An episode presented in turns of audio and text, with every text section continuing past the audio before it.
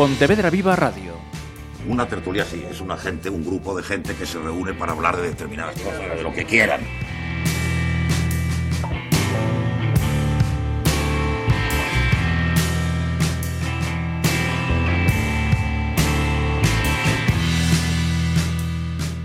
Conversas na Ferrería que se van esta semana al ámbito musical, al lanzamiento del primer LP de Loiros.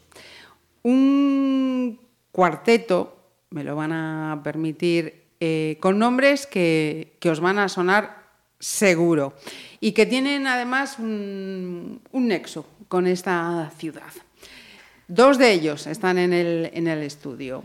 Virgilio da Silva, bienvenido. Hola, gracias. Virgilio es eh, guitarra y voz en Loiros. Uh -huh. Héctor Agulla, bienvenido también. Hola, buenas tardes. El hombre de la percusión. Yes. Batería.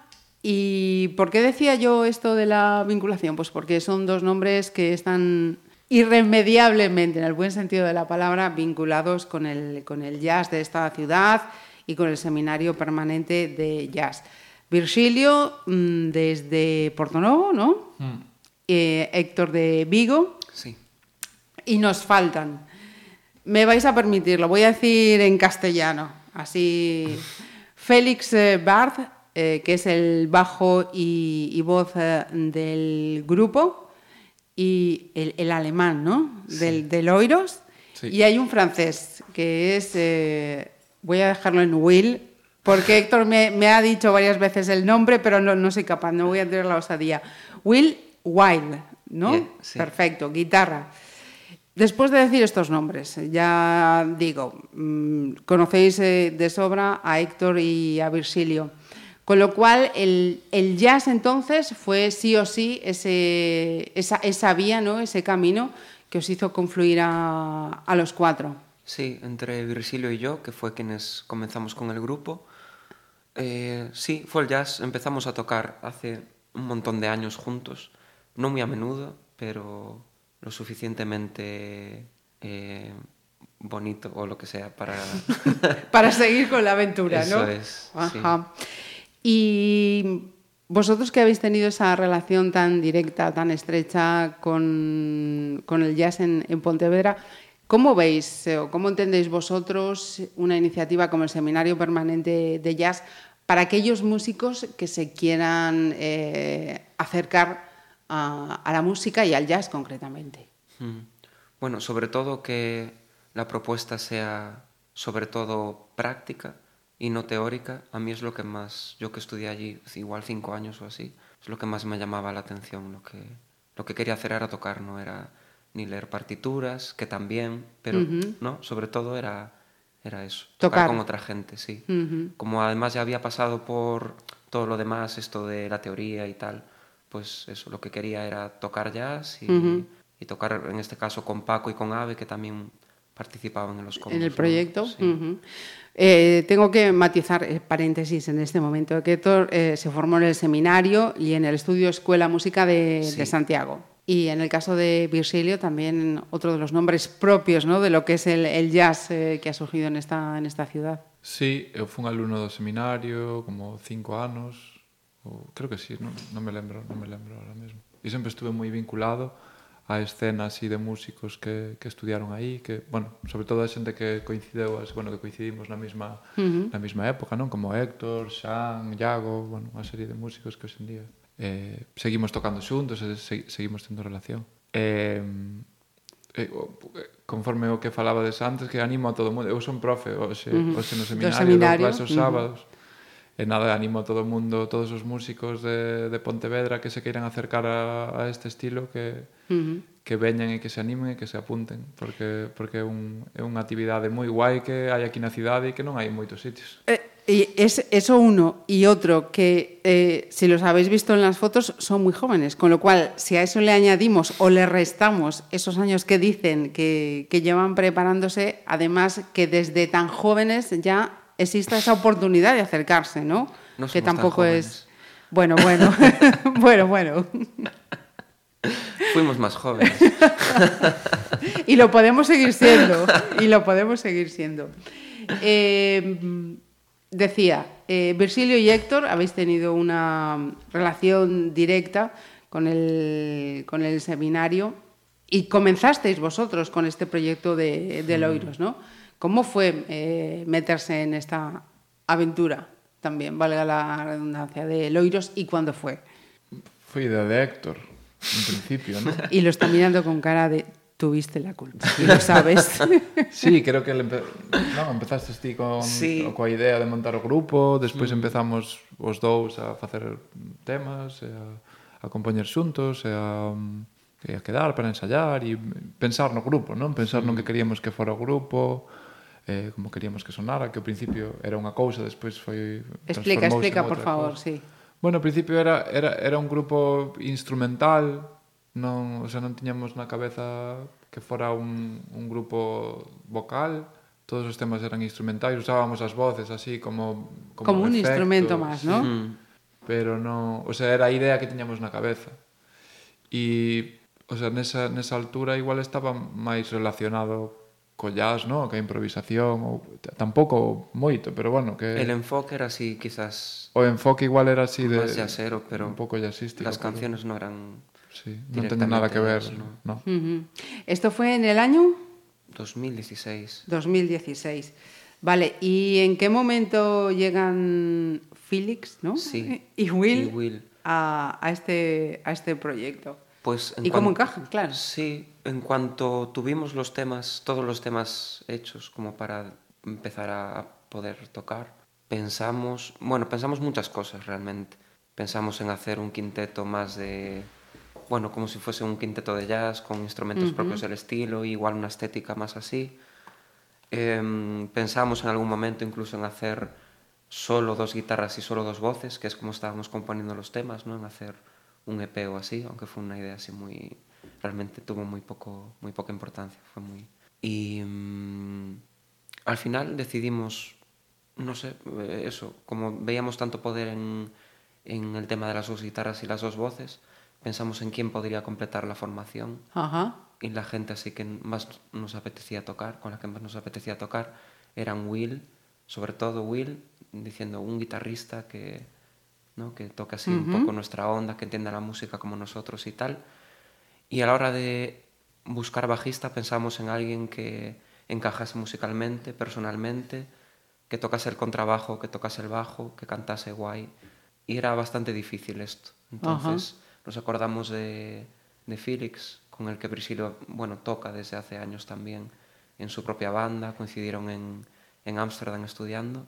Y bueno, habíamos hecho una jam, habíamos ido a hacer surf aquel, aquel día y tal. Y no sé. El ah, surf y el jazz, mira, la primera vez que Sí. confluyen estas, en las entrevistas que yo... Sí, bueno, dío como si o único que fai un pouco de surf ele, o resto como ese día e nunca máis. Era submarinismo, ¿no? Eh, Agora non vamos a quedar de surfistas porque ¿Cómo que no? Véndete ahí.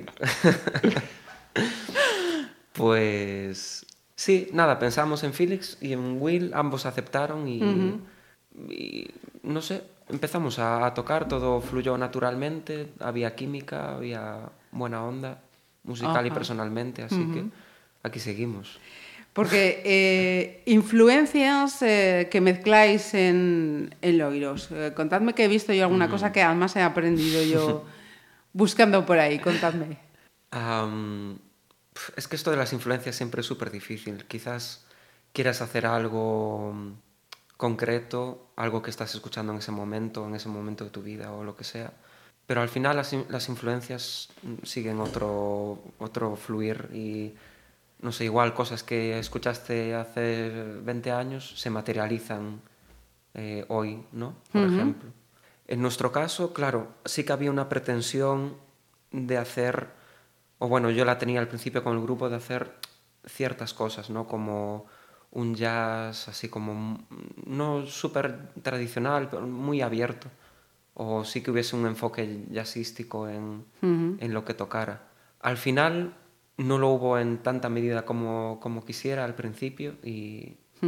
Es y, es- salen, y salen mezclas, fijaos, Sí. como eh, ritmos africanos, eh, os he leído, Hmm. impresionismo francés, Sí. jazz moderno, psicodelia, post-rock, grunge y shoegazing. Sí. Eh, que me ha quedado la única palabra que no tal que, que me ha aprendido, que me, me explicaba más Héctor. Así como el grunge era estadounidense, ¿no? El shoegazing Sí. es más eh, británico, ¿no? Es, Yo creo es que sí, confluyeron la- en la época, así que... bueno. Y el resultado, Loiros, que es algo eh, nada habitual en la escena en este momento, ¿no? Es algo muy, muy diferente a lo que se puede hacer. Yo mm, lo, lo que he escuchado, vamos, mm, Yo no- creo- no soy capaz de compararlo con nada. Si eres lo suficientemente honesto contigo mismo para hacer la música que te sale, lo normal es que te salga al- algo original. Ujú. Si te esfuerzas en hacer algo que ya está hecho, o en querer vender, o por la razón que sea, pues acabas haciendo algo que ya está... Que ya está hecho.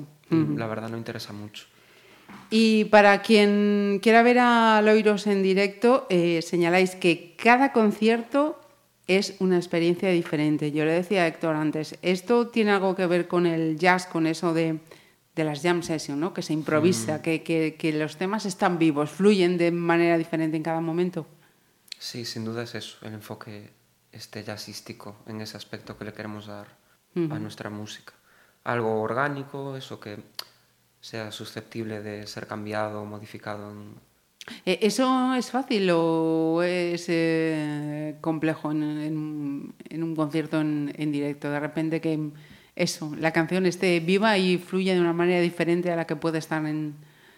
Bueno, a ver, tampouco tocamos un rollo aí super experimental en que vayamos a cambiar a, a quero decir, eh, cambian, o sea, os temas cambian ou poden ter un enfoque diferente con respecto a enerxía, con respecto a non sei, a o mellor a non sei, carácter. O carácter, sí, como estemos tocando xuntos ese día, uh -huh. a veces tamén pois pues claro, hai os, os temas que, que teñen máis parte improvisada ou que que teñen solos, non? Que son temas uh -huh que pertencen un pouco máis a, así a primeira época, as, as primeiras cousas que, que compuxemos xuntos e, bueno, que compuxo el, porque algúns deles son, algúns temas son só de Héctor. Aí igual sí que hai máis como poden, poden ir as cousas para un lado ou para outro, as dinámicas poden ser completamente diferentes, pero nos temas novos quizás igual, igual un pouco menos, e é máis un rollo de enerxía, non? De pero nos temas así máis máis novos uh -huh. tampouco hai partes así con solos de guitarra ou estas cousas. E, e esa energía depende de, de los cuatro que estáis sobre el escenario, depende tamén de los que están abajo e lo que transmitan. Home, depende moito do público tamén. Uh -huh. Os concertos depende moito do público. Pasa que público para esta música, para a música en xeral, cada, cada día hai menos. Entón, é, é difícil encontrar un público guai, sabes? A veces, ¿no? Yo creo que O sea, es difícil encontrar público. En Pero una vez tienes público, o sea, si alguien viene a tu concierto, o en nuestro caso a nuestro concierto es para escuchar música, no es ni para charlar y ni para bailar, supongo. Entonces, en, no- yo- en mi caso yo estoy contentísimo. Sí, sí, Siempre sí, que, estamos contentos porque que aparte tocamos es... mm, hai mogollón de xente, a xente conecta mo- mogollón, nos conectamos mogollón tamén Y, con y la gente escucha, ¿no? Porque cada vez con más frecuencia, desgraciadamente, eh, escucho más críticas eso de que, por favor, que la gente vaya a los conciertos a escuchar. Sí. A escuchar, no a que otros sepan que has estado allí o, o- o a charlar o, o a otras cosas que no son escuchar. Sí. Mm. Sí, es un gran problema, sin duda. No pasa en una sala de cine que te pongas a hablar a gritos con el de al lado, con- ¿no? Vas a ver una peli igual que vas a ver un concierto, pues. Claro. em, no sé, hace, ¿tú recuerdas cuando echa- echamos a unos tipos en, en la Borri, en Santiago? Que estaban hablando durante una canción que es así de dinámica súper baja. Sí. Estaban hablando, hablando, hablando. Acabó la canción y fueron los primeros que aplaudieron a tope. Muy bien, chavales, muy bien, chavales. Nos pillamos el micro en plan, muy bien, chavales, pero tú escuchaste algo. Te devuelvo la entrada y si, si quieres ir a hablar, ve fuera. Ajá. Se piraron, fue maravilloso. Sí, señor. Chapo. Me encantó. Chapo. Eh, primer EP 2018, ARP, ¿no? Eh, autoproducido y autoeditado por vosotros, que es algo que vengo escuchando continuamente en las entrevistas con, con- con grupos, con solistas. Y, mm, ¿Y qué ha cambiado para este primer LP? ¿Qué ha pasado? Bueno, o EP era un, eran grabacións en directo. Eran, son, son tres temas, non? O EP sí. tiña, tiña tres temas. Eh, eran grabacións en directo. Uh -huh. Que mezclamos e masterizamos como podemos e metémolas nun, nun CD naquela uh -huh. altura tampouco tiñamos moito presuposto para facer algo máis máis grande e nin para mezclar máis temas igual, por eso só. Como se tivéramos aí un montón de pastas, sabes? No, pero ahora, bueno, o último EP, pues tem, fomos a estudio, gravam, quero decir, fixemos un montón de sesións, non podemos uh -huh. facer todo seguido, fomos aos poucos facendo, pero bueno, é, é máis un disco e, e ten máis uh -huh. traballo de estudio, aínda que, uh -huh. bueno, é un traballo de estudio moi en directo, porque realmente no estudio tocamos en directo, pero bueno, pues hai un, unha preparación de estudio non buscando sonidos que nos, uh -huh. que nos molen para cada cousa e un pouco ese traballo que non, non había no outro. No outro gravamos un par de bolos uh -huh. e ¿Y dónde ha sido? ¿Ha habido una supervisión de alguien? ¿Cómo habéis conseguido ese estudio? Contadme. Sí, esta vez fue con Heavy, Malandrómeda, nuestro sensei. y mm, fuimos a su estudio en Trazo. Y nada, grabamos allí esto en varias sesiones, ¿no? Hicimos tres sesiones de grabación de dos o tres temas cada vez, precisamente por esto que te comentaba antes, ¿no? De mm, que Felix, el, el bajista, vive en Berlín.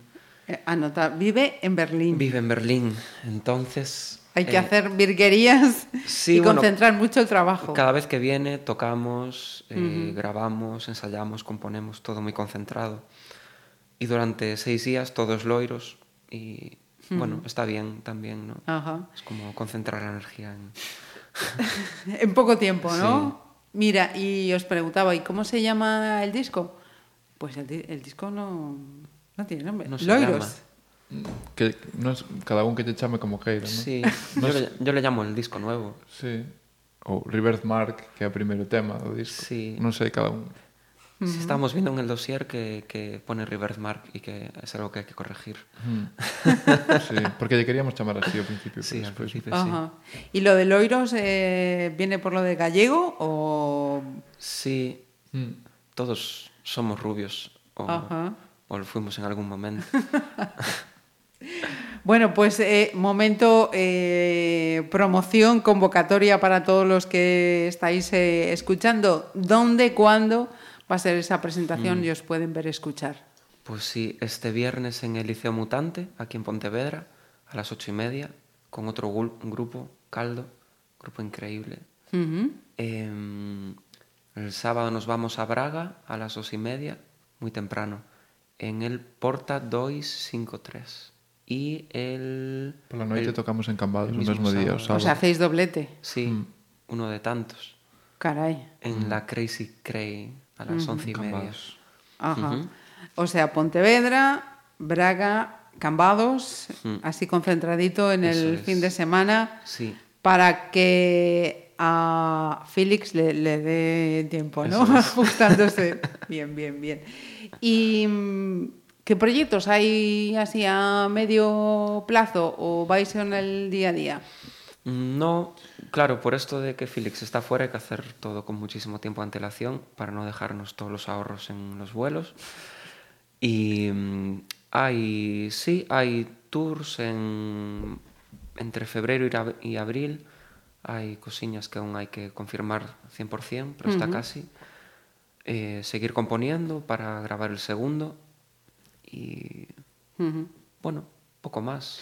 Fijaos que me, mm, había hecho una pequeña trampa. Lo voy, a, confesar. Voy a confesar mi pecado. Había antes de, de abrir micro, les había dicho por dónde iba a ir esta entrevista, pero ah, ahora que me han dicho lo, de Braga, me acaba de venir una pregunta.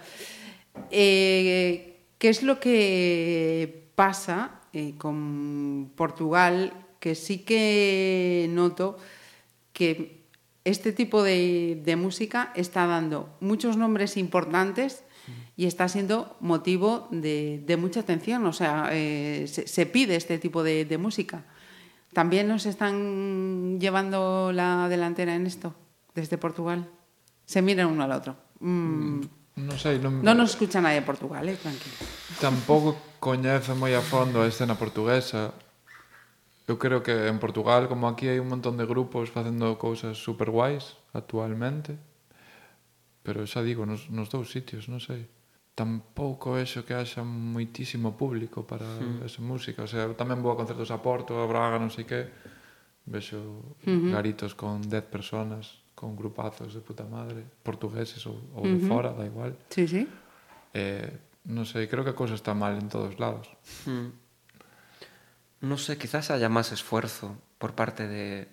Bueno, non lo sé, non sei si máis Iba a decir por parte de particulares a la hora de... De promocionar y organizar Sí, eventos. Sí, pero aquí también, pensándolo. Sí, sí. Sin ir más Sí, lejos, claro, aquí ¿no? también, Aquí el, el liceo. El liceo, sí, sí. Sin duda.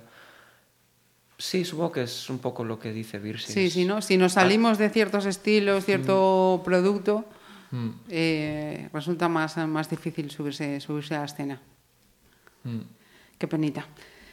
Eh, ¿Me habías dicho cómo se llamaba el otro grupo que va a tocar con vosotros? Caldo. Caldo. Sí. Vale, tenemos que ponernos a- al tanto también Sí. con, con ellos. ¿Se parecen a vosotros o va a ser algo diferente?